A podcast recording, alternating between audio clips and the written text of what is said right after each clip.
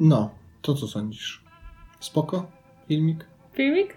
Taki filmik. Ile on trwał? Trochę, trochę długo. Za dwie Jakoś- godziny. Dwie godziny z, y, tam z minutami. 130 chyba minut. I nie pokazuje się przejście do następnego filmu w Netflixie, tylko lecą całe napisy, tak jak w Irlandczyku. I to jest super. I powinien Netflix w to iść. Tak, jeśli chodzi o filmy, no to... Jeśli to chodzi o wszystko. jeśli chodzi o wszystko. Powinna być opcja kliknięcia przejść do następnego odcinka, a nie ja muszę y, łapać pilota na wyścigi, żeby zdążyć kliknąć pozostaw napisy końcowe. Tak, zgadzam się. Znaczy już gdzieś słyszałam tę opinię, Tak. ale tak, Jest- zgadzam się z nią. Moim zdaniem to jest bardzo nie, nie teges. To tak, jeśli chodzi o filmy, to, to nie, gdyby Netflix zrobił ten, ten myk, że od razu właściwie co miałby włączyć, nie? E, No, kolejny film już wskakiwał coś- przecież. Jak, jak się skończyły napisy, no to wskakiwał kolejny film. Tak, no bo coś tam mają y, obmyślone, nie wiem, po Irlandczyku mieli obmyślone, żeby pokazać rozmowę aktorów, a No to tak. ciekawe, co wskakuje. No nie, ale... tutaj wskoczył nam, na, nam film z naszej listy. Aha, okej, po kolei.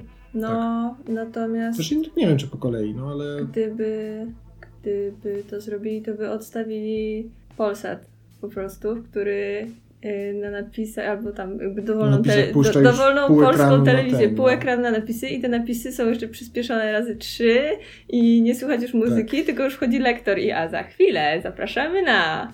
I już tak, no... już tak No tak, ściskamy. no ale- Niedługo te napisy tak będą tylko, taki będzie QR kod i powiesz ten, spójrz i powiesz, kto tam jeszcze No zagrał. bo bo... fizycznie nie ma opcji przeczytania tych napisów na przykład na Polsacie, nie? Nie. No nie ma opcji, no bo Tak. one jadą mega szybko i są mega małe. Tak, znaczy no ja strzeliłam z tym Polsatem, bo No nie, nie, no jestem tak- na tak bieżąco jest, z telewizją, no. ale tak mi się kojarzy. Yy, No ale to jakby Netflixowi się nie śpieszy nigdzie, no aczkolwiek wiem, że w serialu no to chyba wychodzą z takiego założenia, że jak zacznie się drugi odcinek, już go będziesz oglądać, nie? No bo tak jest czasami, że ci wskoczy drugi i już zaczniesz, zainteresuje cię i, i już no może zostajesz. tak, no może tak. W ogóle masz tak y, z serialami oglądanymi w domu na streamingu, że y, jeśli serial ma krótkie odcinki, no to dużo łatwiej jest się zadeklarować, że obejrzysz ten odcinek, mimo że ostatecznie i tak jest No. bardzo duże prawdopodobieństwo, że wylądujesz jednak cały wieczór, po prostu oglądasz tam te kolejne trzy No tak, i, no i tak jest- jakbyś równie dobrze mógłbyś zdecydować się od razu na obejrzenie serialu, który ma odcinki 50-minutowe, ale to jest tak trudno podjąć te decyzje. W sensie trudno jest przyznać się przed samym sobą, że tyle czasu poświęcę dzisiaj na oglądanie Netflixa. Widzę, że odkryłaś jak działa internet i YouTube. No, Że zawsze jest czas na 3-5 minutowe filmiki, a nigdy nie ma czasu na 15 minutowy filmik. no, No, tak. to- No ja to odkrywam ciągle. No nie, nie wiem wszystkiego jeszcze o życiu. Dobrze, ale ja cię pytałem o film, Mhm. o historię małżeństwa, którą żeśmy przestali oglądać co? Co za 30 minut To temu. jest historia małżeńska. Historia małżeńska? Tak, to? Marriage Story. Marriage story. Story. To Okej, jest tak, mieliśmy w kalendarzu wpisane z błędem. okej. To jest film y, Netflixa, który wpisaliśmy sobie do kalendarza, że musimy go obejrzeć. On był dla nas tak ważny i tak długo oczekiwany. Tak. Y, ale ja powiedziałabym, że to nie jest y, historia małżeńska, tylko historia rozwodowa. Tak, zdecydowanie, nie? Dałem taki Yy. Ja sądziłem, że on będzie bardziej o rozstaniu, a on jest. To jest centralnie film o rozwodzie. O niczym innym. Tak, on się zaczyna w momencie, kiedy właściwie już te strony wiedzą, że nic z tego nie będzie. Tam jest jakiś mediator, ale. No ale e, już ta scena u mediatora jakby pokazuje, że no to nie, nie ma o czym dyskutować. No i to nie jest wada, nie? Tego filmu. Natomiast y, musiałem się troszkę przestawić, bo jednak sądziłem, że będzie więcej, więcej tego. Zresztą mam wrażenie, że zwiastuny troszkę tak pokazywały, bo pokazywały trochę te sceny właśnie tych wspólnego zamykania bramy. Ona jest taka mega sugestywna, te, tego odgradzania się od siebie i sądziłem, że to będzie, będzie może tak pół na pół, nie? Też tak myślałam. Tu się totalnie zgadzam. Byłam taka lekko zdziwiona i też przez to no, niewiele wiemy o tym związku ostatecznie. W sensie Mhm. nie, tak naprawdę nie wiemy, co było powodem rozstania. Więc... Znaczy, nie no wiemy, no, to, no. No. bo nie było jednego powodu rozstania, no po prostu małżeństwo nie działało. Jak zwykle, tak. I ale... wydaje mi się, że tak jest pewnie najczęściej, no ostatecznie. Tak, a y, może y, dokończmy tę moją myśl, y, że bardzo to był przez nas oczekiwany film. A dlaczego? Dlaczego? Z mojej strony, dlatego, że wiedziałam, że będzie tam y, grał Adam Driver i Scarlett Johansson, Johansson, nie wiem jak tam się teraz No, no mówi. woli Johansson. Y, czyli dwójka świetnych aktorów. Poza tym reżyserem y, jest Noah Baumbach, którego znamy y, już, y, my oboje znamy go z filmów Frances H. o Nowym Jorku i opowieści o rodzinie Meyerowicz, utwory wybrane. Francis H. to jest ten czarno-biały? Tak, Z Adamem Driverem? tak. Okej. Pierwszy, pierwszy raz, kiedy widziałam Adama Drivera. No i opowieści o, rodzin, o rodzinie Meyerowicz, tutaj też Nowy Jork gra główną rolę i Tak. żydowska rodzina. I też Netflix, nie? Rodzina, opowieść o rodzinie Meyerowicz, tam Netflix dużo... E... Miał udział? Czy... Tak, no on chyba... Bardzo nie wiem, czy możliwe. ten film w ogóle... On chyba wyszedł jako film Netflixa. Bardzo możliwe. I to jest ten film, w którym Adam Sandler, y, to, jest, to jest ten jeden z kilku dobrych filmów Adama Sandlera. Bo tam jest też Ben Stiller. Jest tam też Ben Stiller, tak. Ale No. Ben Stiller miał w portfolio dużo więcej dobrych filmów w porównaniu z Adamem Sandlerem. Tak. I oni tam dobrze grają. I to jest dobry film. Tak, to jest i... bardzo dobry film, oni no, tam- Tak. Dobrze wypadają i jest bardzo wart zobaczenia. Jest na Netflixie bez problemu. Ja muszę powiedzieć, wydaje mi się, że to wpłynie na tę dyskusję, że przez dużą część filmu, pomimo tego oczekiwania, a może dzięki temu, y, ja myślałem, że powiem rozczarowanko. O, E, tak, ponieważ na samym wstępie bardzo to wszystko, wbrew pozorom i wbrew oczekiwaniom, wyglądało dosyć jednak sztampowo. Te dekoracje już żeśmy wielokrotnie widzieli.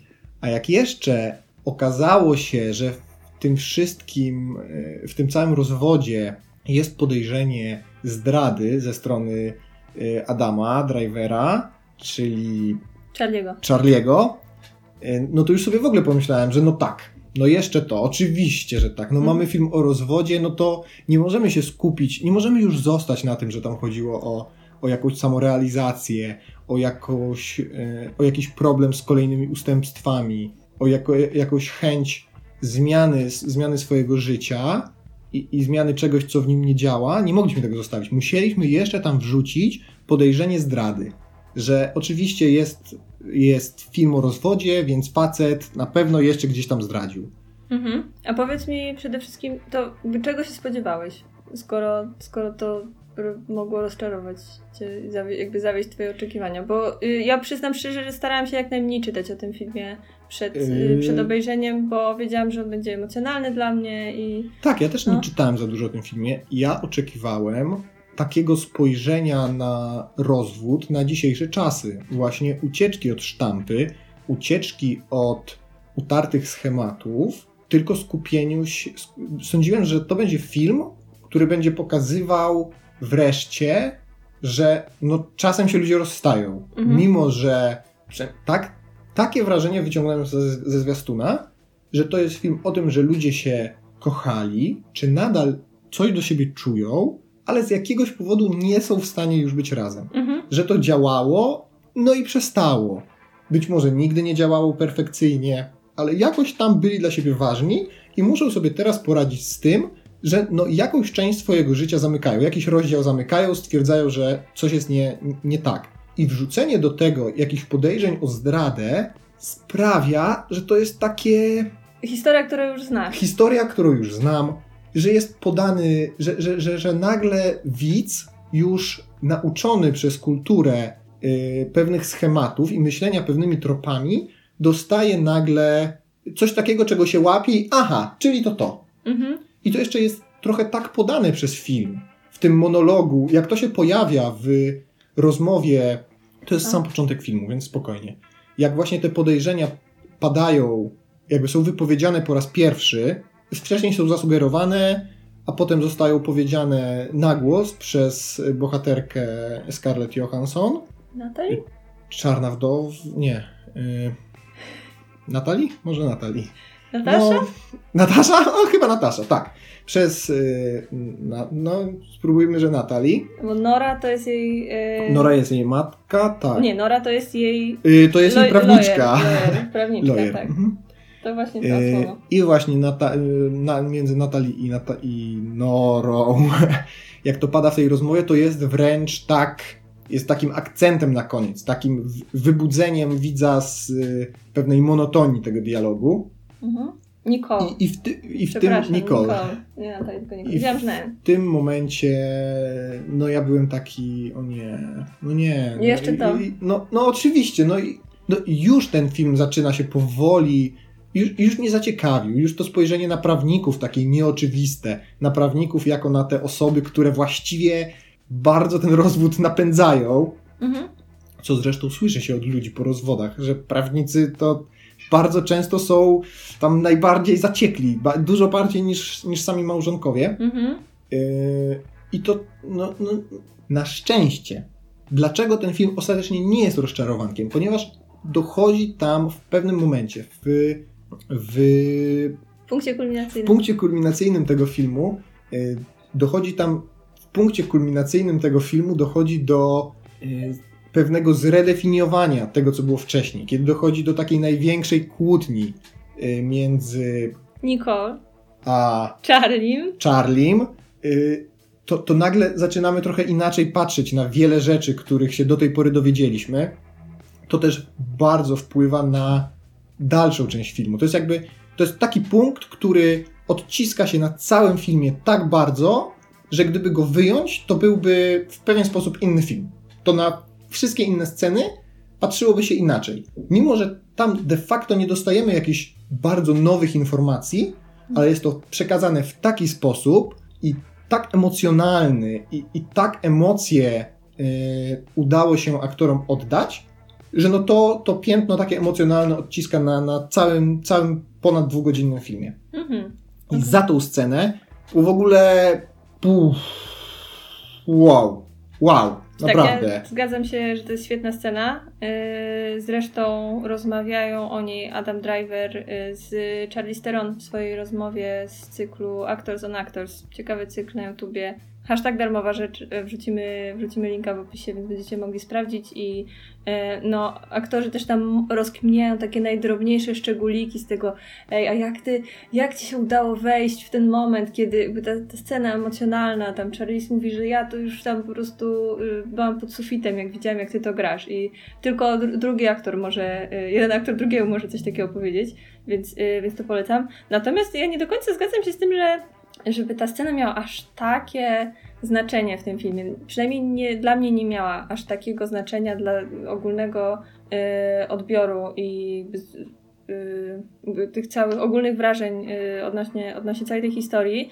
Ale mm, wracając do tego rozczarowanka, y, o którym mówiłeś, to ja też miałam na początku mm, minimalne takie podejrzenia, że, że może się tak stać, ale nie przez nie przez wspomnienie tej potencjalnej zdrady, tylko kiedy dowiedziałam się, że to nie jest typowa rodzina. Bo ja jakoś tak Aha. po cichu wierzyłam, jakoś liczyłam na, na to, że to będzie historia bardziej prawdziwa niż typowe y, historie małżeńsko-rozwodowe, że tam będzie, mm, mm, że tam będzie jednak rodzina, z którą będzie się łatwiej identyfikować. A tymczasem mamy do czynienia z parą aktor i reżyser, aktorka i reżyser, e, którzy żyją w Nowym Jorku. W dodatku ona pochodzi z LA, więc dosyć szybko w filmie pojawia się e, w ogóle konflikt LA versus New York City i w ogóle one, te, te miasta tak rywalizują ze sobą i każdy jest przedstawiony z wadami i zaletami w ogóle. I... Eee, eee, wydaje mi się, że reżyser chyba jednak e, wi widać po, po czyjej stronie. No jakby po tej samej stronie, gdzie jest i moje serduszko, jakby Nowy Jork yy, zawsze, yy, zawsze w sercu, ale Mm, aczkolwiek przed, przedstawia, jakby w, w, Nowym Jorku y, bohaterowie mają do czynienia tylko z aktorami z teatru y, Charlie'ego. I to są tacy, tacy trochę pretensjonalni ludzie, oni tak tylko siedzą w barze no to jest, i śpiewają jest piosenki, no to jest bohema. Bardzo, bardzo, tak, masz rację, tacy no. są, hmm, no właśnie, masz rację, ja w teraz... tym filmie jest dużo więcej kontrastów właśnie tych dwóch miejsc niż niż chciałem, niż jakby zauważyłem na pierwszy rzut oka. Tak, ja dopiero teraz jak się zastanawiałam, o czym mam powiedzieć, to jakby, bo bardzo duża część y, paradoksalnie dzieje się w LA, bo y, z jakby fabuły wynika, że ostatecznie proces rozwodowy, czy sprawa rozwodowa y, ma miejsce w Los Angeles. no i siłą rzeczy mamy z jednej strony ten konflikt, gdzie mają, gdzie ma ta rodzina, czy rozbita potem rodzina i gdzie ma dziecko mieszkać, czy tu, czy tam, ale z drugiej strony tak, te, te miasta ze sobą rywalizują i jest cały czas ten komentarz o tym, że w Los Angeles są jest, przestrzenie. ale te przestrzenie. Ale te przestrzenie. Ale to już, to już przesadził trochę. Nie, jest to, super. To się tam ze cztery razy pojawia. O, ale, chyba więcej. Ale przestrzeń, ale w Los Tak, Angeles tak, jest tak, przestrzeń. Y, No, to znaczy, no, wydaje mi się, że to najbardziej pokazuje, po której stronie jest y, reżyser filmu, bo no, to jest taki czołowy argument wszystkich, którzy mówią o Los Angeles i wręcz jest tak doprowadzony do absurdu, że no niemalże jest ten, ta jedyna, je, jedyny taki Jedyna rzecz. ultimate po prostu argument przestrzenie. Tak, bo y, y, raz czy dwa na pewno jest wspomniane, że w, nie, no, w Nowym Jorku to wszyscy mieszkają w klitkach i przecież.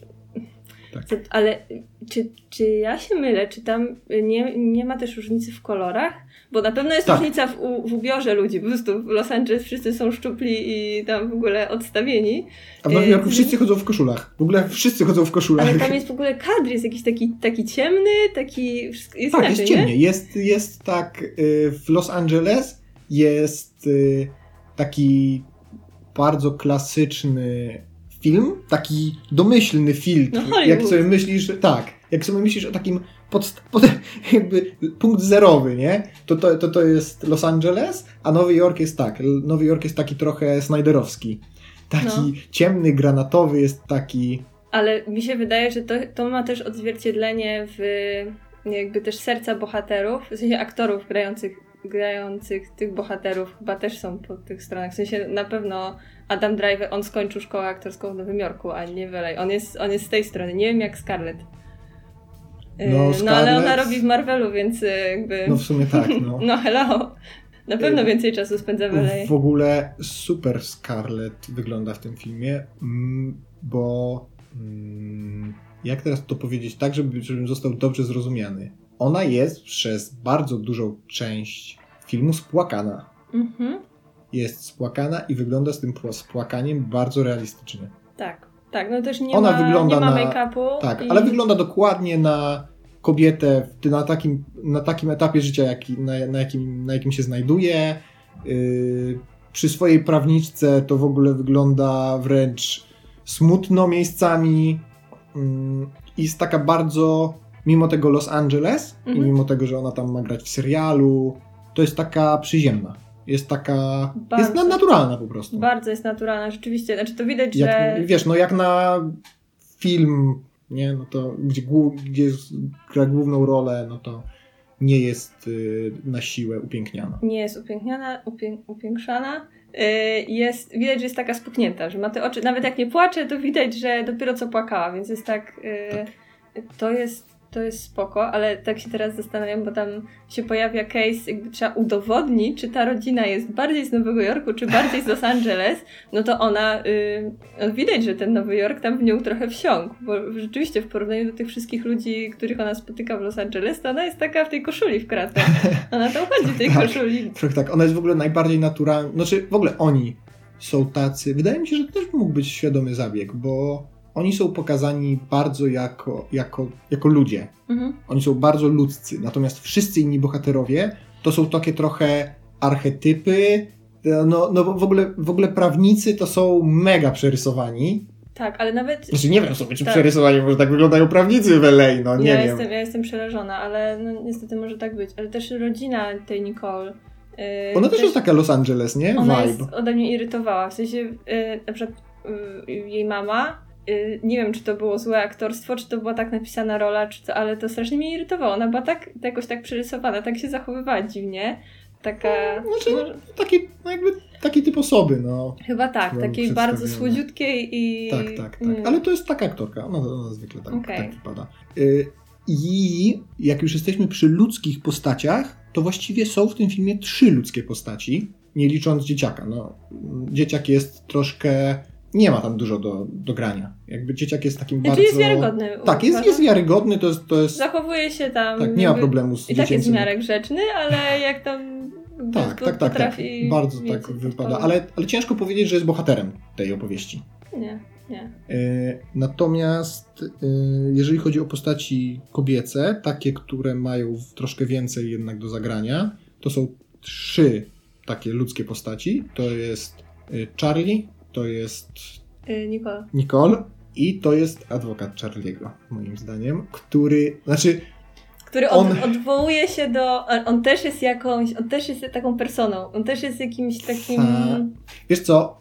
To jest ten moment też w filmie, w którym miałem takie. Taki zgrzyt, że to jest aż za bardzo wprost, że to właściwie mógłby go grać Morgan Freeman i mógłby grać w tym momencie Boga albo jakiegoś anioła, który z, z tym po prostu przychodzi i i przedstawia i jest taki dobry i mówi, że no tak, te rozwody, ta, te rozwody, ci prawnicy, ja chcę, trzeba, trzeba pamiętać o tym, żeby zachować tą ludzką stronę i, i on był tłumacz.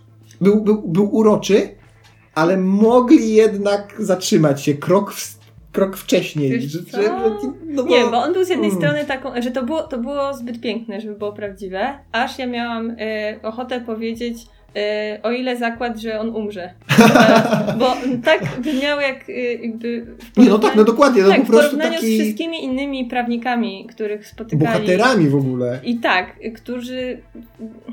No może nie, nie, nie tyle byli egoistyczni, ale tacy... Mm, Agresywni. tak, pozbawieni takiego spojrzenia na ludzką stronę, bo tu, tu cały czas chodzi o to, czy, czy w ogóle się da przebyć y, cały ten proces i, i dostać rozwód, pozostając człowiekiem.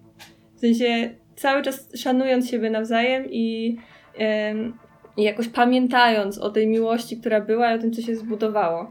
E, I no to jest, to jest cały czas jakby wiesz dyskusja co? przez cały film trwa, czy wiesz, to jest możliwe, wiesz, czy nie. Wiesz co, on bardzo fajnie wypada aktorsko, ten prawnik, natomiast miałem takie trochę wrażenie, jakby w ogóle powinien grać reżyser. I wtedy już by był komplet, bo to centralnie miałem takie wrażenie, jakby przez tego prawnika reżyser trochę ci mówił, o co chodzi w filmie, nie? Mhm. Że to, to, właśnie o to chodzi w tym filmie, że ci prawnicy tak nakręcają, a to trzeba myśleć.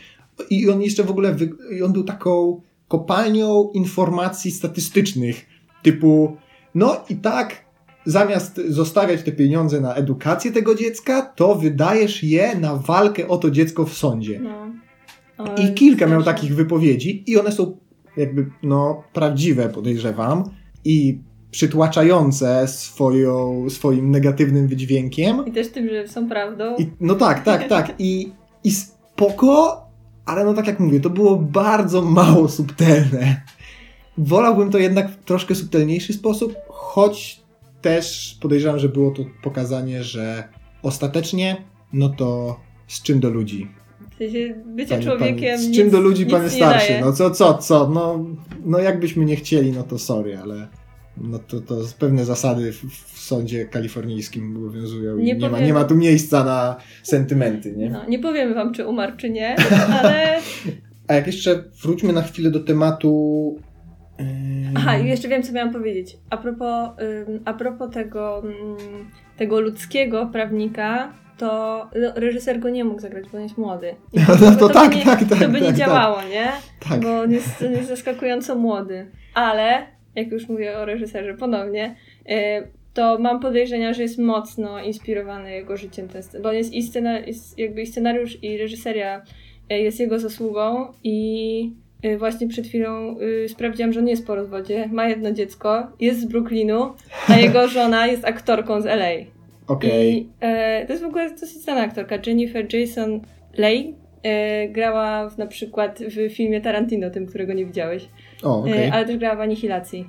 Tę taką szefową, tę blondynkę. Okej, okay, no. okej. Więc e, i też są po rozwodzie, więc to, znaczy to jest pewne, bo nie da się napisać takiego scenariusza, jeśli się samemu nie przeżyło czegoś podobnego, no, jakby research, nie doświadczyło, nie?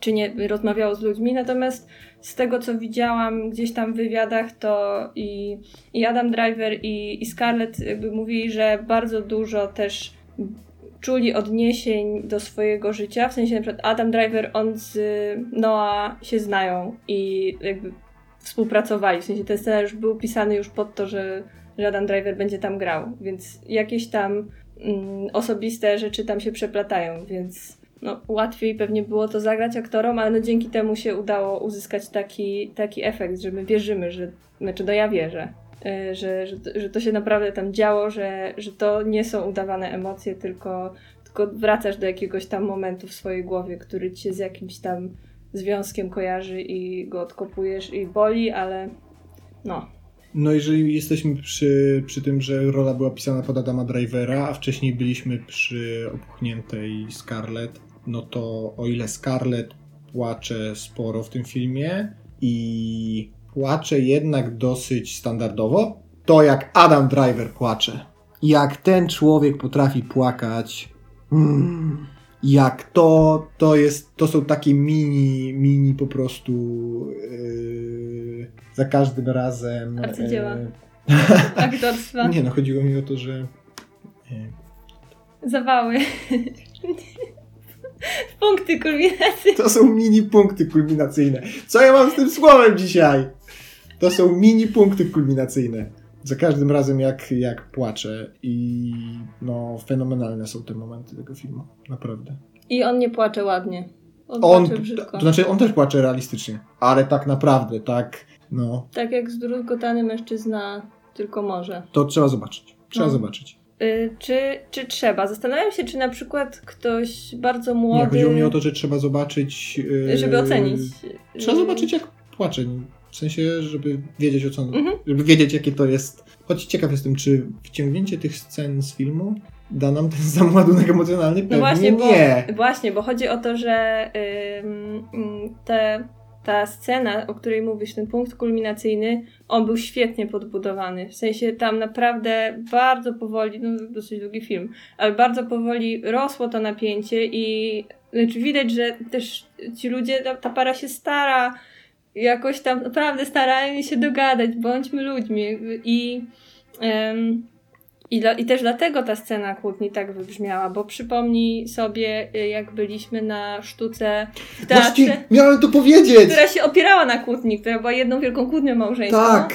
To to nie miało takiego efektu. Jejku. To wręcz komiczny. Panie Wyrypajew, jeśli pan nas słucha, albo jeśli pana małżonka, niech pan sobie obejrzy ten film i niech pan zobaczy, jak się kłócą ludzie naprawdę. Mhm. Bo to, co było, to, co pan zaprezentował w sztuce Słoneczna Linia, ja to sprawdziłem przed sekundą specjalnie. Słoneczna Linia, to jest, to w ogóle nie miało nic wspólnego z prawdziwymi emocjami, z, prawdziwy, z prawdziwym, z tym, jak się ludzie naprawdę zachowują. Mhm. To, to, wow. Tak, bo tam Gruszka i Szyc rzeczywiście kłócą się przez całą sztukę i no, no świetnie się kłócą, no, ale to zupełnie nie spełnia efektu, przynajmniej nie spełnia zadania, przynajmniej w moim y, przypadku, mimo że cała sala tam się śmiała. Zwłaszcza, że w ogóle śmianie się z kłótni małżeńskiej jest dla mnie czymś, y, co, No, już jestem ponad No tym. to no, miała ale... być chyba tragikomedia, natomiast no nie wraca, nie rozdrapujmy starych Nie, nie, więc, ale od razu, to też jest y, bardzo emocjonalna scena, więc y, łatwo o, o skojarzenie właśnie z, z tamtą sztuką i, i tu świetnie było, y, nie było tego za dużo. Sensie nie było wcześniej takich scen, które już by wyczerpały y, te, mm, to napięcie y, nadbudowane. Więc o. Tak, y, no film jest na Netflixie od wczoraj, Mhm. czyli od 6 grudnia. Taki prezent na Mikołajki, świąteczny film taki, sobie obejrzyjcie. Od wczoraj, kiedy to nagrywamy. Od wczoraj, kiedy, kiedy nagrywamy, oczywiście, że tak. kiedy słuchacie, Czyli to. 6 grudnia 2019. Mm, obejrzyjcie, moim zdaniem warto. Ty zacząłeś coś mówić, tak? Że jak, jeżeli ktoś jest młody. Właśnie to... się zastanawiam, czy, czy warto mm, obejrzeć ten film. Czy wydaje mi się, że zawsze warto, nawet jeśli się czegoś nie zrozumie, to warto próbować. Mm, natomiast mam podejrzenia, że może być trudno wywołać taki efekt y, na osobie, która nie ma jakby doświadczenia y, w związkach i rozstaniach, bo, bo jakby trudno, żeby to tak łatwo do siebie odniosła. Z jednej strony Bo pewnie mi- tak, No. natomiast no my jako już bardzo doświadczeni przez życie ludzie Starzy jednak, ludzie. y, no to tutaj możemy patrzeć z góry na takich młodo, młodocianych. Mm, Ale wydaje mi się, że on może być też troszkę ku przestrodze, znaczy on jest bardzo ku przestrodze zrobiony, tak wprost ku przestrodze, ale też Ale nawet przeciwko czemu? no, raz przeciwko y, słuchaniu prawnikom, prawników, Aha. to, to raz, najważniejszy jakby ten. Chyba, że prawnik jest, y, jest, jest starszy i, i dobry, to wtedy tak, a, a inaczej to nie. Y, no a dwa, no nawet nie chodzi o to, jakich błędów nie popełniać przy rozwodzie, tylko jakich błędów nie popełniać w związku. Mimo, że ten film był o rozwodzie, no to jednak tam było dużo takich, jakby zdawa, widz zdawał sobie doskonale sprawę, o co tam chodziło tak naprawdę w tym, w tym rozwodzie i dlaczego oni się rozwodzili i no i w ogóle to, to też trzeba zaznaczyć, że podstawowe zadanie, jaki ten film miał, tak, taki, taki punkt zero, od którego w ogóle zależy, czy ten film jest warty obejrzenia, czy nie, no to to jest to, że nie pokazuje jednej strony jako pokrzywdzonej, czy jednej strony wygrywającej w naszych oczach, tak? No obie strony były w jakiś tam sposób odpowiedzialne za, za to, co się działo. Można dyskutować, która bardziej, która mniej, ale to nie, nie było w moim odczuciu tak wprost przedstawione y, typu zły Adam Driver, dobra Scarlett. Tak jak Mhm. to często bywa. No i wydaje mi się, że to jest taki punkt zero właśnie, jakiego trzeba wymagać od takiego filmu, który chce pokazać pewien taki slice of life y, informacyjnie w pewien sposób. Mm, To jest tak, y, że to prawda, że pokazuje obie strony, aczkolwiek na samym początku jest dosyć długi taki długa y, część, taki fragment, w którym jest, mamy tylko jedną stronę, zanim się zaprezentuje druga. Więc mm, Tak, ale- słyszałam, że no, wydaje mi się, że a, oczywiście słuchałam Stackmana, y, że, że on miał tak, że trochę te, ta szala się przechylała raz na jedną, raz na drugą stronę w trakcie oglądania. Że raz, no, raz współczuł jednej, raz, raz drugiej No stronie. tak, no wiadomo, no, No. na tym to polega. Tak, więc, yy, więc, więc może tak być, że, że na No początku się poczuje, no tak, no tylko jedną No. stronną, jednostronną narrację, ale to się potem rozrasta Dlatego, ta, i... dlatego to podejrzenie zdrady tak mi nie leżało. Mhm. Bo ono było tym takim elementem, wiesz, psującym całą tą, tą jakąś tam jednak równowagę. Tak, bo to jest y, jednak rzecz taka bardzo konkretna Tak, i, tak, tak, tak, i taki, też no- dużo ludzi ma bardzo silną opinię na ten temat, więc No, to już by w ogóle... Wiesz, to jest przede wszystkim coś, z czym nie można dyskutować na zasadzie takiej yy, ja czułam tak, on czuł tak. Tak. Tylko no to jest to po prostu coś, co się teoretycznie no, wydarzyło, tak? No i Rzeczywiście, bo to, yy, no bo tak, bo w tym przypadku no masz akcję, nie? A mm, argumenty typu, no ja chciałam tego, ale nie powiedziałam, że tego chciałam, ale, ale ale chciałam. on nie zapytał, ale... on się nie zatroszczył, ale ja w sumie się godziłam. No to tak, to, i te rzeczy właśnie nie są spisane, Mhm. nie masz na to żadnego dowodu, no ale rzeczywiście, jeśli, jeśli jest jakaś zdrada, jeśli masz nawet na nią dowód, no to w ogóle zmienia e, zupełnie dyskusję. Także Tak. tu się zgadzam, ale chciałabym jeszcze dodać, bo, y, bo powiedziałam o tym, że trochę mnie zawiodło to, że to mm, nie była typowa rodzina, ale mimo wszystko była przedstawiona bardzo y, jakby tak od tych pieleszy domowych, nie? Więc totalnie można znaleźć e, i w, tych, w tych postaciach cechy albo swoje, albo właśnie swojego partnera, czy byłego, czy, czy obecnego i tak o kurde, tu no. Wydaje mi się, że takie, a nie inne. Znaczy tak, to może wy, wynikać z jakby z pełnej, z pełnej, a, z pewnej autobiograficzności tego filmu.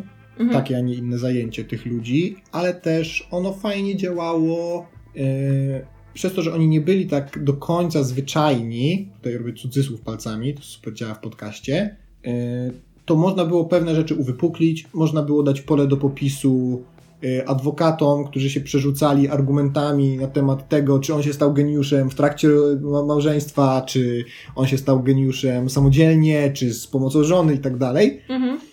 Yy, I wydaje mi się, że to, to, to, to, to temu posłużyło też. Tak, zgadzam Więc to, się. to, to jakby nie traktuję tego jako, jako jak, jakąś wadę, powiedzmy. Tak, no muszę przyznać, że no, cze- no śmieję się czasami z tego, że, że filmy powstają tylko o aktorach i o Hollywood i, i o tym No mam tak. świadku kolejny film, już mówiliśmy o tym wcześniej, że to jest plaga, no ale w tym przypadku to jednak zostało pokazane od y, jednak strony takiej bardzo zakulisowej i takiej prawdziwej, no. Trudno mm, tutaj, wiesz, operuję takimi wielkimi słowami, ale y, jakby widzę, że, mm, że Noah Baumbach tam znalazł właśnie tę stronę y, pod spodem, y, pod tym właśnie całym światem, tym show biznesem, tym, tym światem aktorskim, czy, czy ten świat teatralny, to też nawet jeśli tam nie ma wielkich pieniędzy, to też jest taki rozbuchany i, i nadmuchany.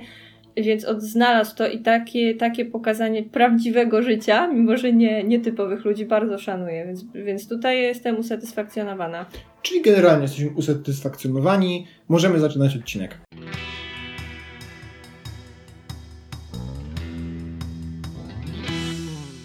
Tak. Jej. Super. Witamy. Wydawcy hajsu. Odcinek 15. Witają się Doro Dorota Wojtasiu. oraz Robert Jakub Rożen.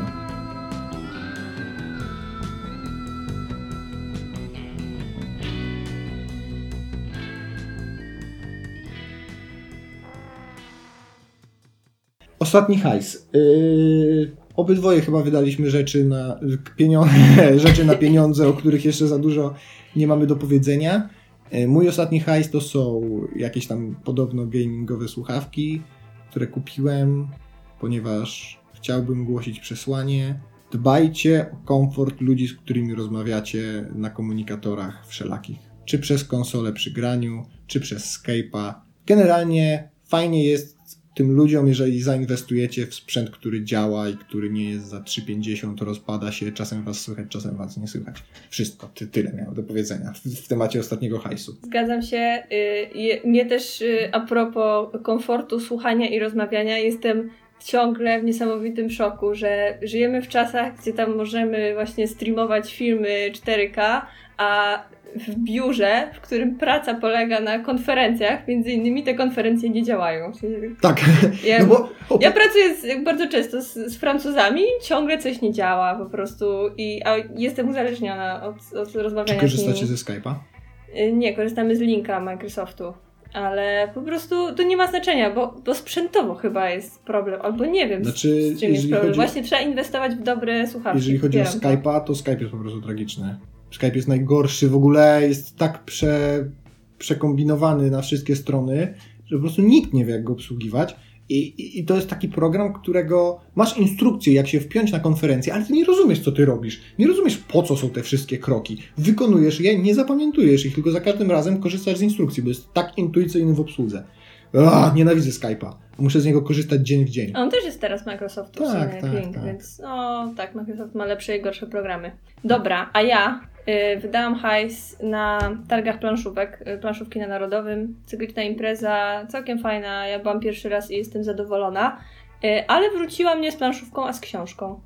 Y, ma tytuł Dziennik 29 z podtytułem Interaktywna gra książkowa. I jest to Mm, jak zobaczyłam mm, taki cały stand z, z książkami, y, z takim wielkim y, podpisem y, nie jestem książką, jestem grą, tak jakby, chciały usprawiedliwić swoją obecność na tych targach, to, mm, to myślałam, że to będzie paragrafówka. I jakby wiele z tych książek to były takie komiksy paragrafowe, ale ta była wyjątkowa, ponieważ jest y, prawdziwym dziennikiem, w sensie jest stylizowana na taki stary dziennik y, jakiegoś archeologa czy kryptografa i ma jakby prawie wcale nie ma w środku tekstu, są tylko dziwne zapisy, szyfry, rysunki i właściwie nie wiadomo o co chodzi na początku. Ja też jeszcze niewiele wiem, bo, y, bo jeszcze nie, nie grałam. Nie rozszyfrowałaś. Jeszcze nie rozszyfrowałam, ale słyszałam bardzo dobre opinie i jestem zachwycona samym designem, więc właściwie to nie jest droga tak. rzecz, więc, więc od razu to kupiłam. E, tak, I, mogę no. potwierdzić. No. Wygląda przepięknie. Wygląda jak taki właśnie. Yy, no tak jak sobie człowiek wyobraża właśnie dziennik z jakiegoś Indiana Jonesa, który jest mhm. zaszyfrowany. Klasyczna I sprawa. On super. jest już taki niewypostarzany, nie? Tak, tak, tak, tak. tak, tak. I... No jest, jest, jest, jest super w ogóle. Takie, no że jak go trzymasz w rękach i samo obcowanie z nim sprawia frajdę. Tak, i do rozwiązywania zagadek potrzeba właściwie tylko ołówka i tego, co wszyscy mają, czyli smartfona bo są QR-kody potrzebne do, do, do rozwiązywania tych zagadek, no ale to też zawsze masz pod ręką, więc można sobie wziąć taki dziennik do pociągu czy gdziekolwiek i porobić coś ręcznie, coś tak, ja mam, ja mam taką potrzebę, rzadko, rzadko mm, obcuję z papierem w ogóle w ostatnich latach. No to jest w ogóle coś, co każdy chciał, przynajmniej ja całe życie marzę, żeby mieć coś takiego, żeby stworzyć dziennik, który wygląda w ten sposób i żeby korzystać z niego i żeby mieć powód, żeby prowadzić jakieś takie notatki i takie robić jakieś rysunki, ryciny takie bardziej I, i tak. Takie tajne rzeczy. No, a gdybym tylko umiał pisać choć odrobinę ładniej niż to robię, no, No. może. Słuchaj, są kursy kartografii, yy, kaligrafii. Kartogra- też. Kartografii, no bo w takich dziennikach powinny być też mapy, to jest jakby tak, No. obowiązkowo. No, yy, to... Co, byłaś na planszówkach na? Właśnie byłam i, i ta książka jest jedyną rzeczą, którą przyniosłam z tych targów, a to wynika z tego, że wszystkie e, planszówki, które mnie zaciekawiły, e, były dosyć drogie i łapałam się na tym, że zawsze jak widziałam coś fajnego, to od razu chwytałam za telefon i sprawdzałam cenę w internecie. Mimo, że tutaj już i tak kupowałam bezpośrednio od producenta, bo wystawcy sami produkują te gry i, i tak mają lepsze ceny w większości niż tam Empiki czy gdziekolwiek u pośrednika, a i tak e, prawie zawsze się okazywało, że w internecie znajdę to taniej, na promocji i w końcu nic dużego nie kupiłam. Mm. No i niestety y, mam trochę wyrzuty sumienia z tego powodu, ale trudno jest y, mm, krytykować ludzi, którzy w ten sposób y, postępują. Tak, dokładnie taka sama sytuacja jest z księgarniami, bo księgarnie fizyczne, stacjonarne sprzedają jakby dużo mniej książek w, jakby w porównaniu z tym, jaki jest obrót internetowy i też w porównaniu z tym, ile ludzi przychodzi i faktycznie decyduje się na zakup książki, będąc w księgarni. A nie ogląda, a- a nie doko- cenę Znaczy tak, decyduje się na, nie, de, nie, właśnie decyduje się na zakup Aha. będąc, ale dokonuje tego zakupu gdzie indziej. Ciekawe, jakie są statystyki na ten temat. Chciałbym Mm. zobaczyć.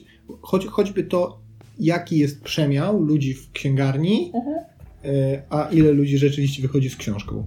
Y, To jest y, ciekawy temat do badań i dlatego postanowiliśmy o nim porozmawiać. Zainspirowało nas, zainspirował nas do tego artykuł w New Yorkerze. Ponownie wracamy do Nowego Jorku. Bardzo się cieszę, że tak często to miasto się pojawia w naszym podcaście, bo jest magiczne. I jeden z dziennikarzy New Yorkera podczas pobytu w księgarni właśnie w, wpadł na pomysł napisania tego artykułu. On wyszedł taki trochę felietonowy, bo E, bo nie, nie jest jakby poparty jakimś głębokim researchem i nie jest bardzo długi, stąd zachęcam do przeczytania, wrzucimy linka w opisie.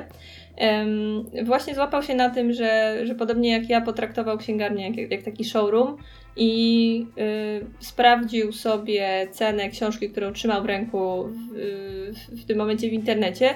Wyszło mu, że musiałby zapłacić jakieś 30-40% więcej y, za y, y, książkę w księgarni niż to versus ta cena, którą by znalazł w najtańszej internetowej księgarni. No, no nie przedstawia tam danych, tak tylko na marginesie chciałem, no ale zrobił dziennikarską robotę, porozmawiał z, z ilomaś tam, ilomaś tam, ilu... z wieloma y, właścicielami księgarni, więc jakby tak na marginesie. Nie, to, to tak. nie jest taki całkiem felieton, że on siadł i napisał, co on myśli na ten temat, Tak, tylko ale normalnie porozmawiał z ludźmi. To tak, tak, żeby się nie myśleli, że tutaj się tam... No, kontynuuj. Dziękuję. Y, tak, y, więc wyszło mu, że, że za ten fakt właśnie za co zapłaciłby te 30-40% więcej? Za dotknięcie, za możliwość dotknięcia książki, czy y, za możliwość przeczytania, y, choć nie zawsze już, y, nie zawsze możesz przeczytać, bo czasami są zafoliowane, zwłaszcza komiksy, y, ale nadal się widzi, zwłaszcza w sieciówkach, y, taką sytuację, że tam ludzie sobie siedzą na podłodze i, i czytają książkę już w ogóle nie ma sensu. Widzi się? Wi- widuje się, tak, jeszcze w Empikach. Okej. E, I, I już potem to w ogóle nie ma sensu kupować książki. To, to, za, to za to powinni ludzie akurat płacić, jeśli, jeśli tam przeczytają większość, większość Nie książek. no, wydaje mi się, że to są skrajne sytuacje, kiedy ktoś czyta większość książki Wiem, że księgarni. tak, znaczy teraz już jest to dużo rzadsze. Ja mam znajomych, którzy mówili, że w liceum się zrywali ze szkoły i szli do Empiku No, i przeczytali całe książki, by mieli przeczytane za darmo. Ja tak robiłem. Od Znaczy, tego nie- jest biblioteka. Ja To nie biblioteka. Ja potrafiłem iść do Empika, yy, brać z półki książkę, którą już miałem i na przykład jestem tam w połowie w domu i czytać kolejne rozdziały na tym egzemplarzu empikowym. Nie? A, A. wcześniej to książkę kupiłem w Empiku, więc właściwie Okej, oni już swoje zarobili. taki odpowiednik synchronizacji między Tak, urządzeniami. tak, taka synchronizacja między, między urządzeniami w roku 2000.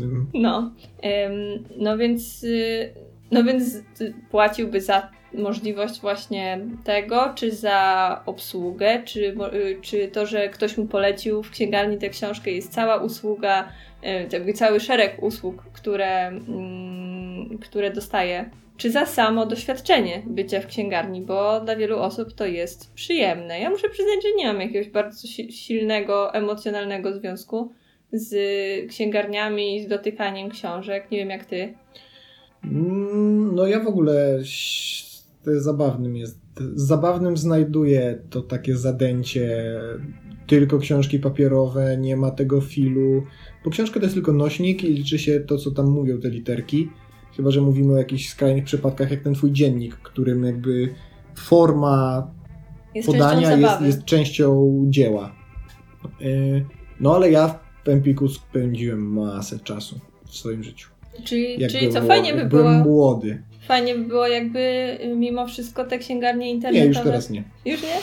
Dobra, ale to może, może, mo, mo, może potem będę opowiadał. Mm -hmm.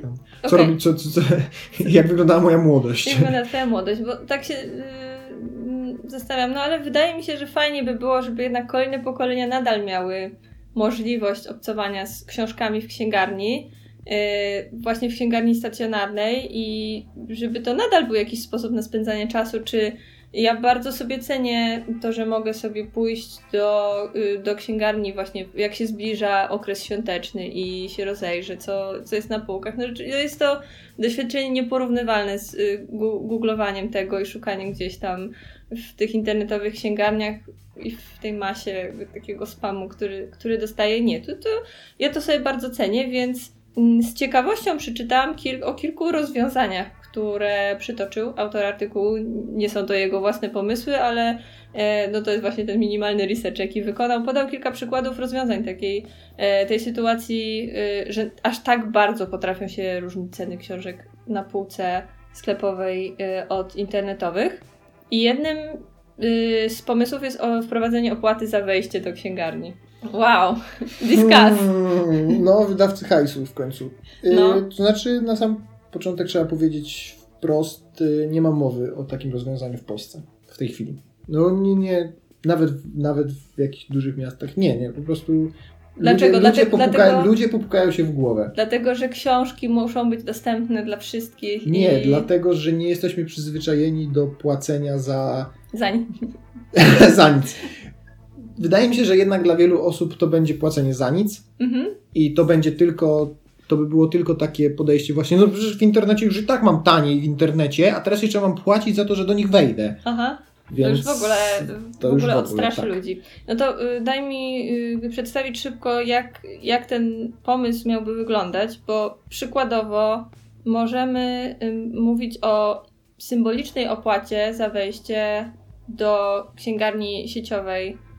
Autor akurat był w sieciówce Strand która jak sprawdził ma około 5 tysięcy klientów dziennie, więc gdyby każdy y, rzucił dolara e, za wejście, to mieli 5 tysięcy dolarów dziennie i dzięki temu mogliby wprowadzić ceny y, książek zbliżone do tych w internecie. Bo to bardziej o to chodzi. Nie chodzi o to, żeby utrzymywać za nic te księgarnie, tylko po to, żeby się wreszcie opłacało y, kupić książkę na półce, to też jest w sumie ekologiczniejsze jak się nad tym zastanowimy, bo no tak. nie ma całego i ani pakowania, i ani Transport. transportu, do, do, znaczy, transportu. Znaczy, transportu jest, transport jest, ale on nie jest indywidualnie do, do, tak. do każdego jednego klienta. No nie, no, jest dużo bardziej efektywny, jak to robimy hurtowo, mhm. więc, e, więc to, to takie argumenty y, za tym by przemawiały. Natomiast od razu się pojawia kontrargument, okej, okay, to taki Empik, czy taki Strand, czy taki, taka duża sieć sobie poradzi, bo tam rzeczywiście nawet jak grosze y, ludzie będą rzucać, y, to wyjdą na plus. A co y, w takim razie z mniejszymi księgarniami, gdzie na przykład jest 20 osób dziennie wchodzi, no to, to już to co one musiały mieć wyższe te opłaty, bo tam są wybrane książki tylko dla. No to już, to już zaczyna się robić y, problematyczne, więc autor idzie o krok dalej. Okej. Okay i ma taki pomysł, ten może nawet jest jego. E, nie, nie, jakby nie mam nic do autora. E, o scentralizowanym e, takim systemie opłat, który tak jak podobnie jak na przykład ZAX w Polsce zbiera opłaty ze wszystkich księgarni i potem je Redystrybucja redystrybuuje do, e, właśnie do księgarni w miarę sprawiedliwie. Co by to miało znaczyć? No to oczywiście... Każdemu wedle potrzeb.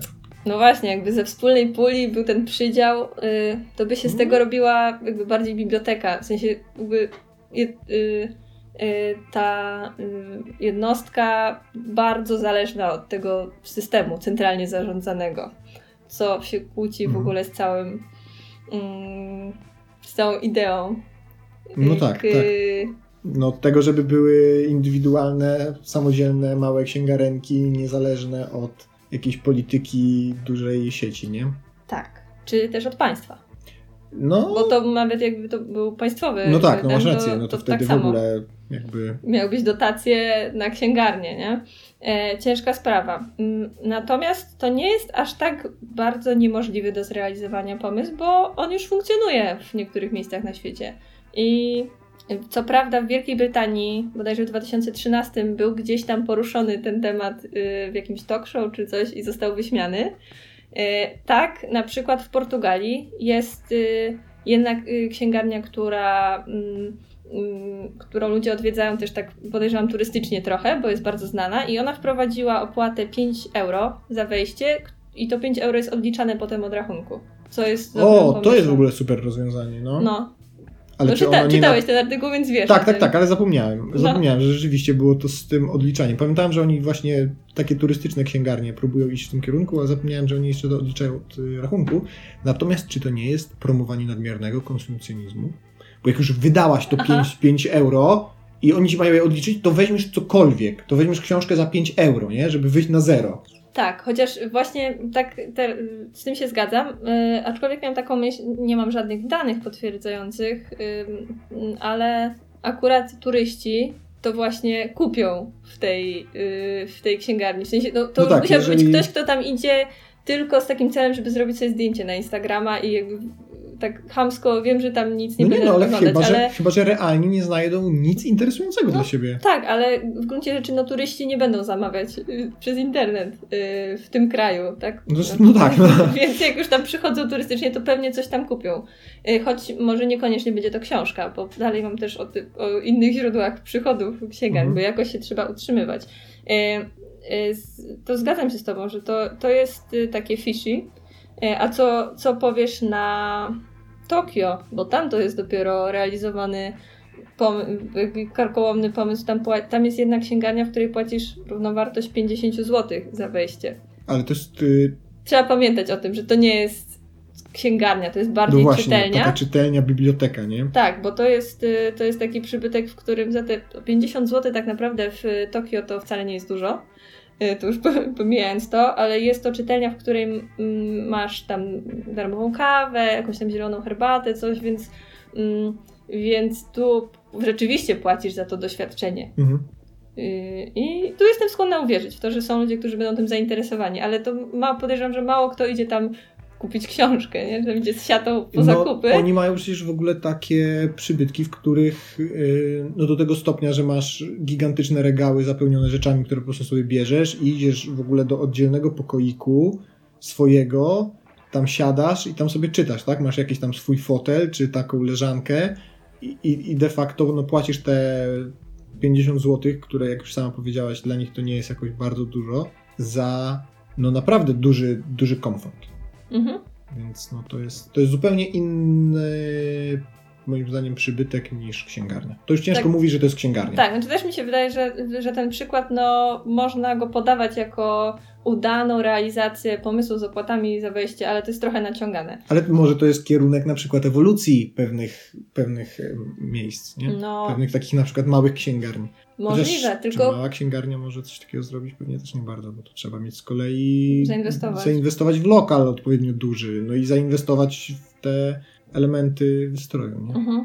No tak, yy, dowiadujemy się też z tego artykułu, yy, że no wiadomo, co kraj to kultura i podejście do książek też się różni. W niektórych krajach było w ogóle niedopuszczalne prowadzenie jakichkolwiek opłat yy, i wydaje mi się, że w Polsce też.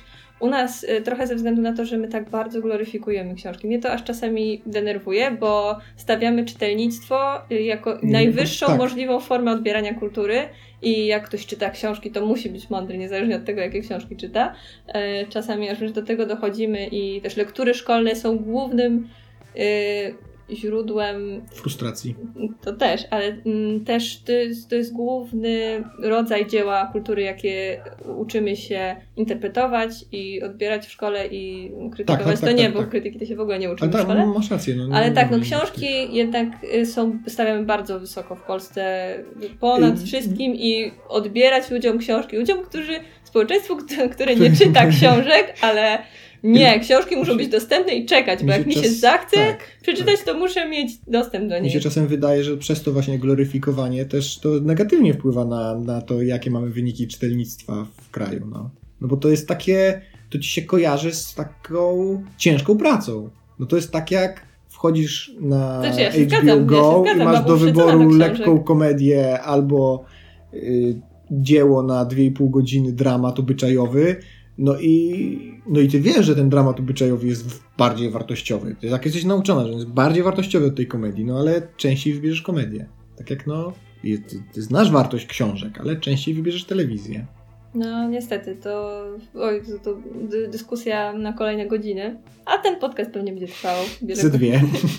E, inne, inna rzecz jest taka, że w niektórych krajach to by było, czy nie, dla niektórych sieci księgarni to by było uważane za bardzo nieeleganckie. To, to, to chyba taki argument padł w rozmowie z jednym księgarzem, że nie, no nie wyobrażam sobie prestiż księgarni, nie mhm. pozwala na to, żeby, żeby prosić o pieniądze. My tu musimy się pokazać właśnie, no, no i wtedy rzeczywiście jak decydujesz się na to, że jesteś showroomem, no to, to musisz się liczyć z konsekwencjami, czyli że płacisz za ten lokal więcej i musisz mieć wyższe ceny i po prostu no zostaje ci tylko jako sprzedawcy skierowanie się do zamożniejszego odbiorcy i, i tyle. No i liczysz się z tym, że yy, młodzież na przykład, która jeszcze nie dysponuje takimi środkami, będzie owszem wpadać, ale na niej nie zarobisz. Yy, no i ja też uważam, że, czy znaczy w ogóle uważam, że, że księgarnie właśnie ze względu na młodych ludzi, którzy jeszcze nie są w stanie wydawać tyle na kulturę, to one powinny być mimo wszystko, że te księgarnie fajnie, żeby, żeby były, żeby nie znikły z map. A co to ma wspólnego? Z, z czym? Z, z, młodymi ludźmi? No. Co to ma wspólnego, że oni nie mają pieniędzy?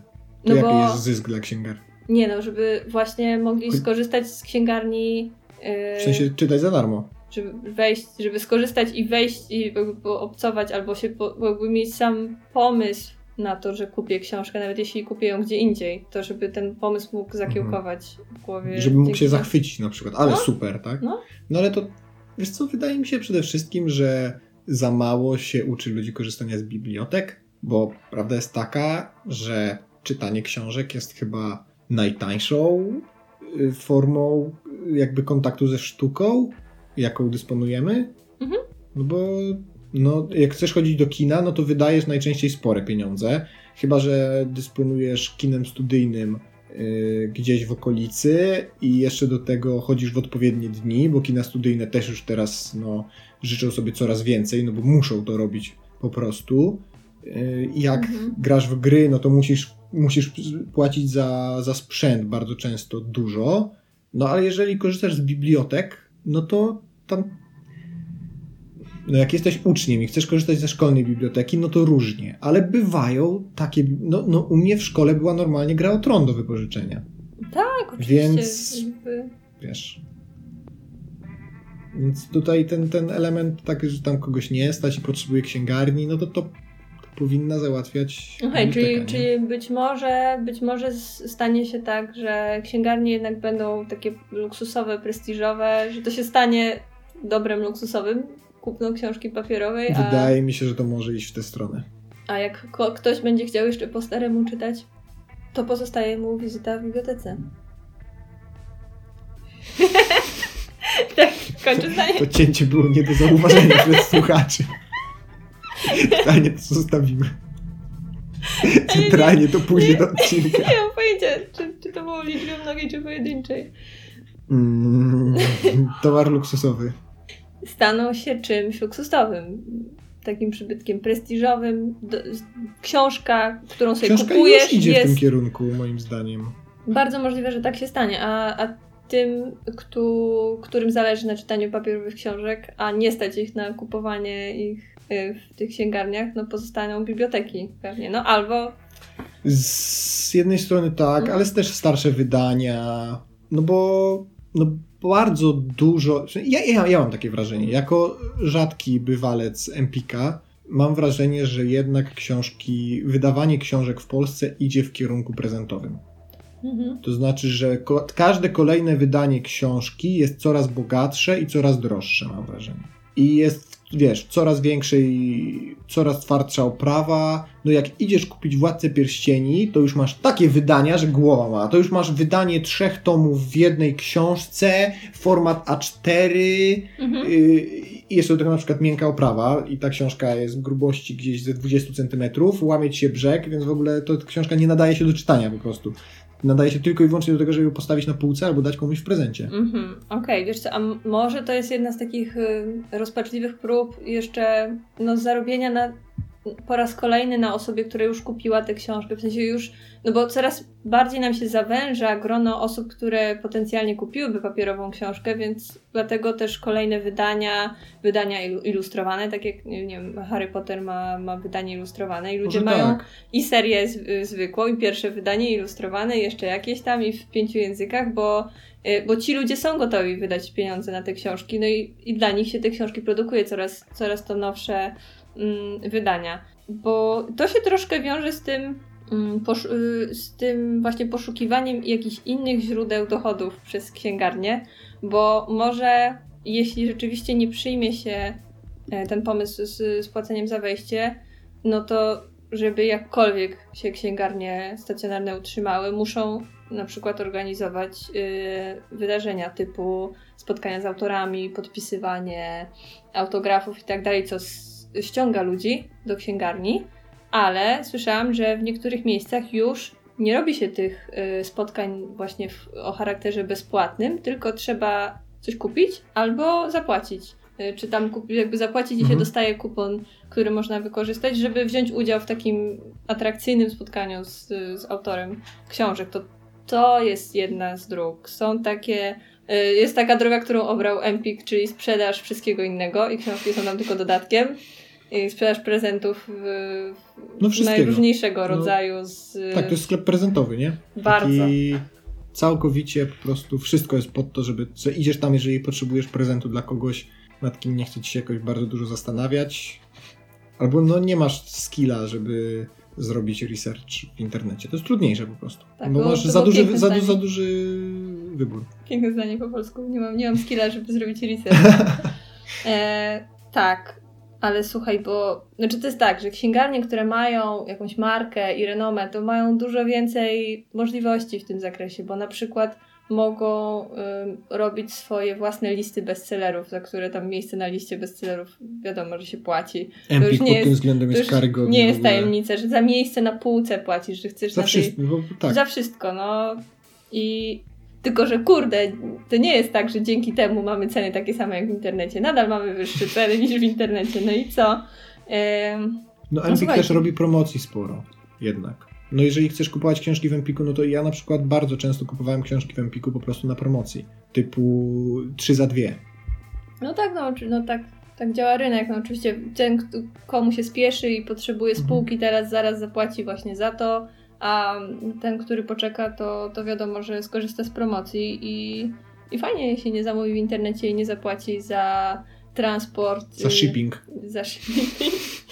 Dobra, ale to wszystko może jak, jakoś pomóc tym dużym sieciom księgarni, ale co ciągle z tymi małymi księgarzami? Oni są przeklęci. Oni jakby nie, nie bardzo jest jak, jakaś szansa, żeby, żeby im pomóc. Jest co prawda taka inicjatywa jak weekend księgarni kameralnych, czy tydzień księgarni kameralnych. Wrzucimy linka w opisie do Facebooka. I, i są takie, takie całe cykle y, wydarzeń właśnie z jakichś tam wywiadów, z spotkań z autorami, z podpisywaniem autografów, czy nie, no, różnych takich rzeczy, które się właśnie dzieją nie w tych sieciówkach, tylko zachęcają ludzi do wejścia do księgarni kameralnej tak zwanej, która no może się okazać, że będzie miała ciekawy asortyment dla Was, w sensie da Wam coś innego y, co, niż, niż te, te duże sieciówki i, i to może być ta wartość dodana, że wtedy, wtedy będziecie skłonni zapłacić za jakąś książkę więcej, bo na przykład bardzo miło się przybywa w takim jakimś nietypowo urządzonym wnętrzu księgarni kameralnej. Czy była miła rozmowa z właścicielem, bo tam rzeczywiście można takie bardziej ludzkie podejście spotkać. Motyw przewodni tego odcinka. Bądźmy ludzcy. Mm, wiesz, to jest trochę nie do nas kierowana byłaby taka usługa typu ludzkie podejście, typu obsługa, która potrafi doradzić. Chyba, że żebyśmy rzeczywiście z, zapoznali się z jakimś panem księgarzem albo panią księgarką. Mhm. Y, i, I wtedy nasza, na przykład jego opinia o danej książce byłaby dla nas istotna. No ale my mamy mnóstwo osób, których opinie w kwestii literatury cenimy i, któ i którzy są dla nas pewnymi wyznacznikami tego, co, co warto przeczytać. No tak, ale wiesz, to nie zawsze. Mm... Jakby wiesz, rozumiesz o co mi chodzi. Nie potrzebujemy tego pana księgarza, który nam coś poleci. No bo, no bo jak często zdarza ci się iść do jakiegokolwiek sklepu z myślą, że nie wiesz co kupić, ale chcesz coś kupić. Że chciałabym, no, chciałabym coś przeczytać. No ale jeśli ci się zdarzy w ramach jakiejś takiej przyjemności zwiedzania, odkrywania, zajść do takiej księgarni, to jest duża szansa, że odkryjesz tam, że dowiesz się tam o istnieniu jakiejś książki, której nie ma w sieciówkach, której i której też ci akurat nikt nie, nie poleci, bo a ona będzie twoja. Ty ją tam znajdziesz, przeczytasz i ona będzie czymś twoim, bo to też nie, nie można się zapędzić w, w taki, wiesz, ten, to kółko poleceń, że tylko będę czytał bestsellery. No tak, ale... To tam jest prawdziwe odkrywanie jakiejś literatury, która... Ale nie bez powodu się mówi się nie oceniać książki po okładce, no bo jestem sobie w stanie wyobrazić, jeżeli chodzi o mnie, coś takiego z komiksem, że wchodzę do sklepu z komiksami albo idę na targi na komiksową Warszawę, mhm. y, przechadzam się, patrzę, o, to wygląda super. Kartkuję, patrzę, kurczę, super pomysł, nie słyszałem o tym komiksie, biorę. Mhm. No ale z książką, no co, wchodzisz do księgarni i co? I książka, o której nigdy wcześniej nie słyszałaś, patrzysz na, na, na autora, który nic ci nie mówi, I co? I po czym oceniasz, że ta książka jest w jakikolwiek sposób mhm. może się zainteresować? Masz rację, y, ale tutaj to by zadziałało, gdyby była jakaś y, relacja zaufania no właśnie. względem księgarza. W sensie, tak, o tym gdyby, mówię właśnie. Gdyby nie trzeba go znać osobiście, ale jakby, jakby on miał taką renomę, że wybiera książki, czy je kategoryzuje trochę pod prąd, nie według tych kategorii gatunkowych. Znaczy, no nawet niekoniecznie pod prąd, ale że na przykład jest jego myśl krytyczna jest znana, tak? O to ci mhm. chodzi. No, no, ale to, no, ale to, to też to jest wtedy... to, o czym mówię. No to w tym momencie on jest dla ciebie jakimś tam autorytetem. Żeby ten autorytet jakby uświadomić sobie, że ktoś jest dla ciebie autorytetem, no to potrzebujesz jakiegoś doświadczenia z tą osobą. No, tak. no i, i teraz chyba, że na przykład inny jakiś au, twój autorytet poleciłby tą księgarnię. No to wtedy, no to, to wtedy to wracamy, tak, ale no... Tak, to wracamy do tego weekendu księgar kameralnych, czyli no. Y, lokale, które są warte polecenia, one, ktoś tam je dostrzeże i, no i ciężko pracuje, yy, stara się jakoś tam wypromować takie mniejsze biznesy Czytałem lokalne, kiedyś rodzinne, jakieś, no. jakieś opowiadanie półfantazy takie o szewcu, jakiego, że tam przyjechał z jakiegoś tam odległego kraju byłej Republiki y, Związku Radzieckiego do Warszawy i robi buty. I niesamowicie robi buty, bo potrafi zrobić but z jednego kawałka skóry, mhm. co jest takie trudne. Generalnie jest taki masterpiece. Mhm. Polskie słowa w tym odcinku. Y, no i on robił te buty za jakieś straszne pieniądze politykom. No ale no ile możesz mieć takich księgarni tego typu, tak? Że masz księgarza, który jest w ogóle znany i tam przychodzą właśnie jakieś takie osoby, osobistości, ludzie, którzy wtajemniczeni, którzy wiedzą, wiedzą za co płacą i on, on działa wtedy na zasadzie takiego mm, może nie mecenasa, bo nie wykłada kasy, ale takiego ambasadora, takiego yy, disc jockeya trochę, życiowego, książek, nie?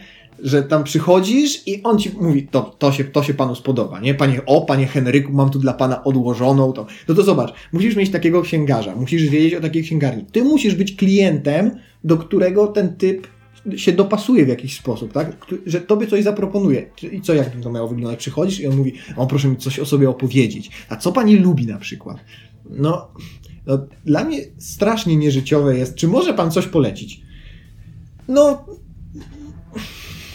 No chyba, że właśnie nie masz pomysłu na prezent, mówisz, dobrze, proszę pana, no szukam prezentu dla teściowej. Co tutaj teściowej można kupić No na tak, prezent? no No to on wtedy mówi, no, no, no proszę pana, no dla teściowych to tutaj mamy regał dla teściowych, tam y, Blanka Lipińska. No, okej. No i to najczęściej dostaniesz właśnie jakieś takie bestsellery, no bo idzie gość jakby, no nic o tobie nie wie, więc musi jakoś uogólniać. Tak to działa i idziemy w tę stronę i to nie jest, to nie jest tak, że, że, żeby mnie to jakoś bardzo smuciło, że te księgarnie się stają mniej, jakby mają mniejszy udział w obrocie książek. Zwłaszcza, mówię to ja z punktu widzenia, właśnie ja osoba, która jest fanką e-booków i bardzo sobie cenię to, że udało mi się jeszcze póki co nie zagracić mieszkania książkami i, i coraz więcej No rzeczy też- jest na, jest na e-booku, na, na czytniku e-booków i tam Wiesz, no ja przede wszystkim nie czytam też tyle co kiedyś, więc trochę wypadłem z, z obrotu,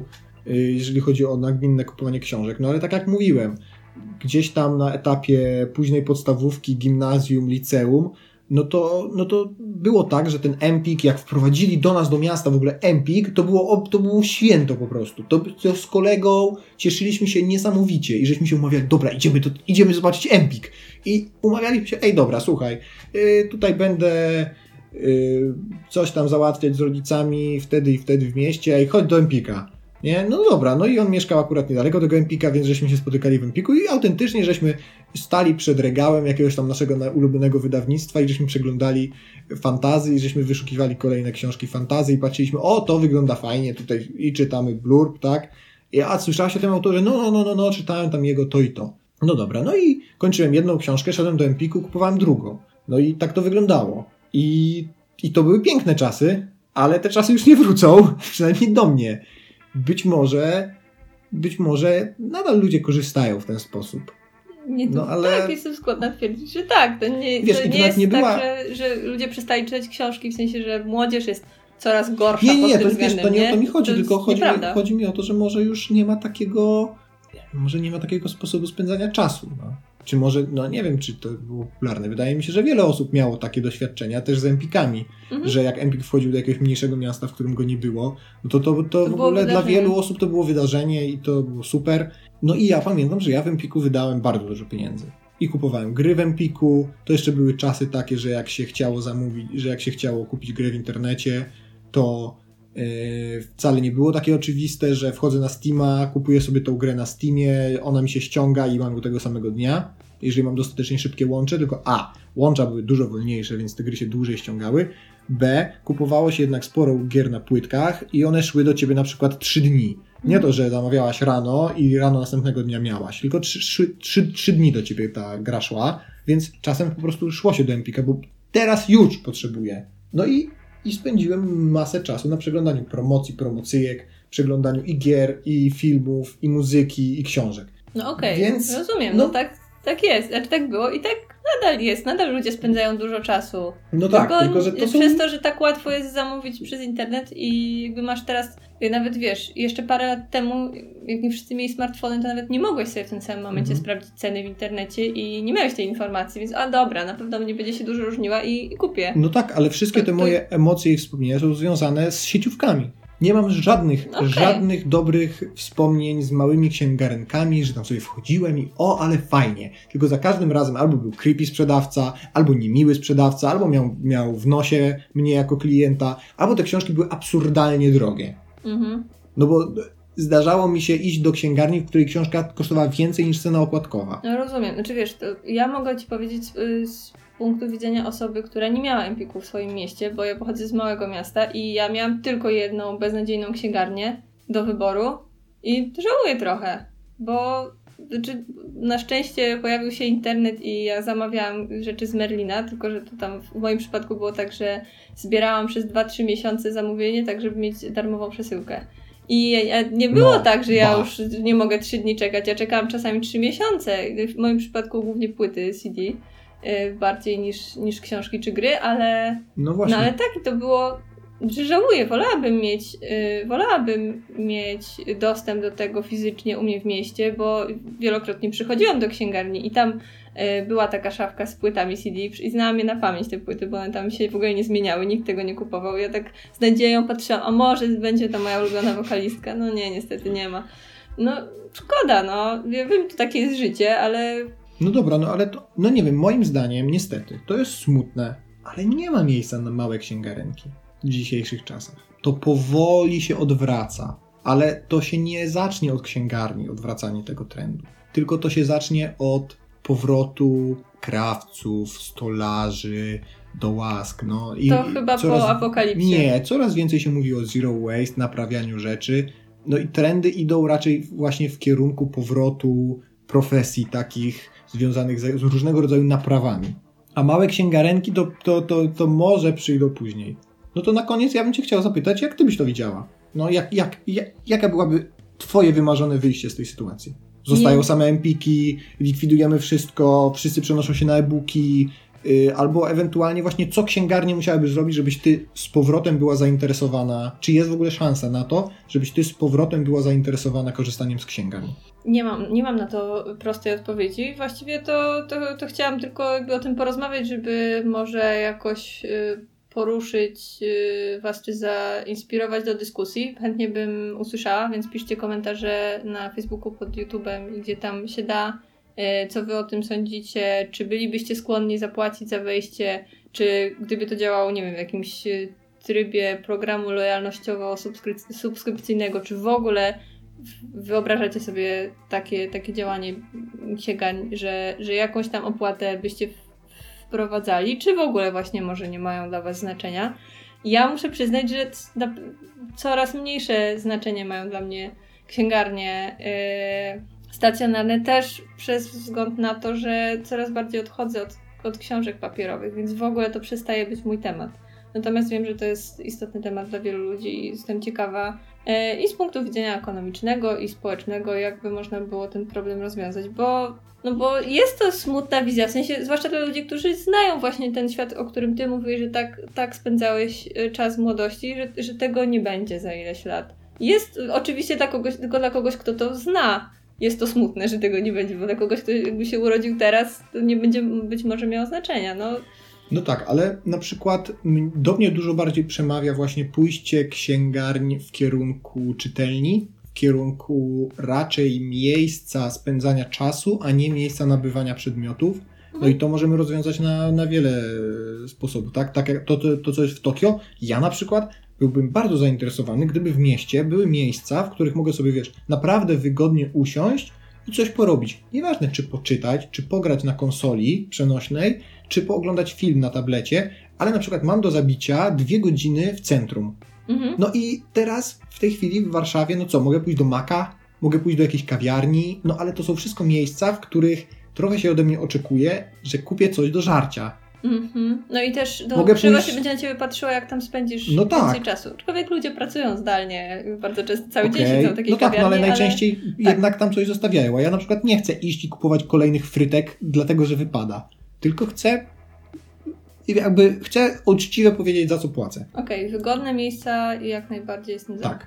A gdyby na przykład były tam książki po jednym egzemplarzu. Masz po jednym egzemplarzu książki i one są do czytania. Ty płacisz na przykład za to, że możesz wejść i pobuszować i je poczytać sobie, a jednocześnie każda ma nalepkę z QR-kodem, którego skanujesz i to ci znajduje e-booka i kupujesz tego e-booka sobie. Okej, okay. ciekawe.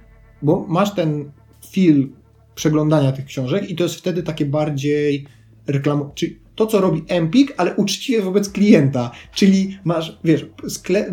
zarabia na tym, że wystawia te książki w odpowiedni sposób, tak żeby ludzie wiedzieli, żeby przemawiać do świadomości klienta, żeby klient mógł przyjść i sobie jakąś książkę znaleźć, wypatrzeć, której, o której nie słyszał, to co ty zresztą mówiłaś wcześniej. Mhm a jednocześnie może ją kupić albo w wersji elektronicznej, albo właśnie ściągać na przykład ta księgarnia tą książkę też w wersji papierowej. Czyli żeby księgarnia stała się księgarnią internetową tak naprawdę. Jakby księgarnia stacjonarna... Trochę? Przestała być księgarnią stacjonarną, w sensie stacjonarnie byłaby czytelnią, a poza tym byłaby tylko... No ale wiesz, no, no, no, no, no, no tak. Okej. Okay. I masz tak jak masz punkty bonito, tak? Mhm. E, Przecież ja zamówiłem po południu jednego dnia i następnego dnia y, w południe dostałem SMS-a, że już jest i do, do odbioru tam w Bonito i jeszcze za darmo dostawa. No to dajmy minimalne koszty dostawy na przykład i jednocześnie ekologicznie, no bo te książki nawet nie zostały zapakowane tym Bonito, tylko dostałaś do ręki po prostu książkę To prawda. i, i transport jest dużych zamówień, bo wszy, wszystkie naraz i ludzie sobie przychodzą, odbierają, albo przychodzą, czytają, albo właśnie znajdują i mówią, proszę pana, ja bym chciał nabyć tą książkę, dobrze, proszę przyjść jutro. I jutro będzie. Okej, znaczy ja, ja bym nie miała z tym osobiście problemu, że niekoniecznie właśnie będą dostępne łatwo takie wielkie księgarnie, w których są stosy pachnących książek i wszystko. No ale to mogą być nawet małe księgarenki, małe punkciki takie, które się tym zajmują. Okej, ja nie mam z tym problemu. I wydaje mi się, że jeśli rzeczywiście ten pomysł y, z utrzymywaniem księgarni stacjonarnych przestanie mieć sens, przestanie mieć uzasadnienie biznesowe, no to, to też mm, nie będzie trzeba. To też nie, nie trzeba będzie się jakoś y, ze wszystkich sił go trzymać y, pazurami, tylko trzeba iść do przodu. Tak. No, No, no a, a małych przedsiębiorców po prostu zostawić w tyle, biednych. No to jest trudne. To jest trudny temat w ogóle. Bo to się tyczy nie tylko księgarni, tylko no, wszystkiego. Tak? No, idzie komercjalizacja i, i, i, i usieciowienie wszystkiego. dobra. Także nie rozwiązaliśmy nic. No, naszym celem nie było rozwiązanie tego problemu. Naszym celem było zwrócenie uwagi na, na, na ten problem i podanie jakichś tam rozwiązań, które działają lub nie na świecie. Dobra. Yy, Myślę, że moglibyśmy powoli już kończyć, bo już tak trwa. tak, należałoby. Nie? Tak, y, więc kończymy. Y, dużo materiałów chyba w tym odcinku pojawi się do przeklikania sobie w internecie. Artykułów, nie artykułów, Coś tam, tak, y, podcastów, nie podcastów. I naprawdę Eee, jesteśmy ciekawi Waszej tak, opinii. Tak. I, I udostępniajcie nasze materiały, lajkujcie, znajdźcie nas na Facebooku i tam wszędzie, gdzie się da. Yy, Na Apple'u ciągle jest za mało recenzji i za mało gwiazdek, więc Tak, gwiazdki, jakbyście nam się gwiazdki. nudzili, to, to gwiazdki chętnie przyjmiemy. A jeśli chodzi o darmowe rzeczy, to już był hashtag darmowe rzeczy w trakcie tego odcinka, czyli seria Actors on Actors. Yy, Długie godziny oglądania ciekawych rozmów między aktorami. Y, Możecie być zdziwieni, jak zostali y, ciekawie dobrani do porozmawiania ze sobą. Poza tym, jak zawsze, a nawet w tym odcinku wyjątkowo, dużo będzie podlinkowanych materiałów, które będziecie mogli sobie poczytać i też posłuchać, bo na przykład a propos księgarni kameralnych, to mamy do zaproponowania ciekawy podcast y, Czytu Czytu o księgarniach w Londynie. Więc tak, więc będzie dużo materiałów i to będzie to. I To będzie to i to jest darmowe to są, i to jest darmowe. A poza tym idą święta, więc może wy byście coś darmowego zrobili innym ludziom.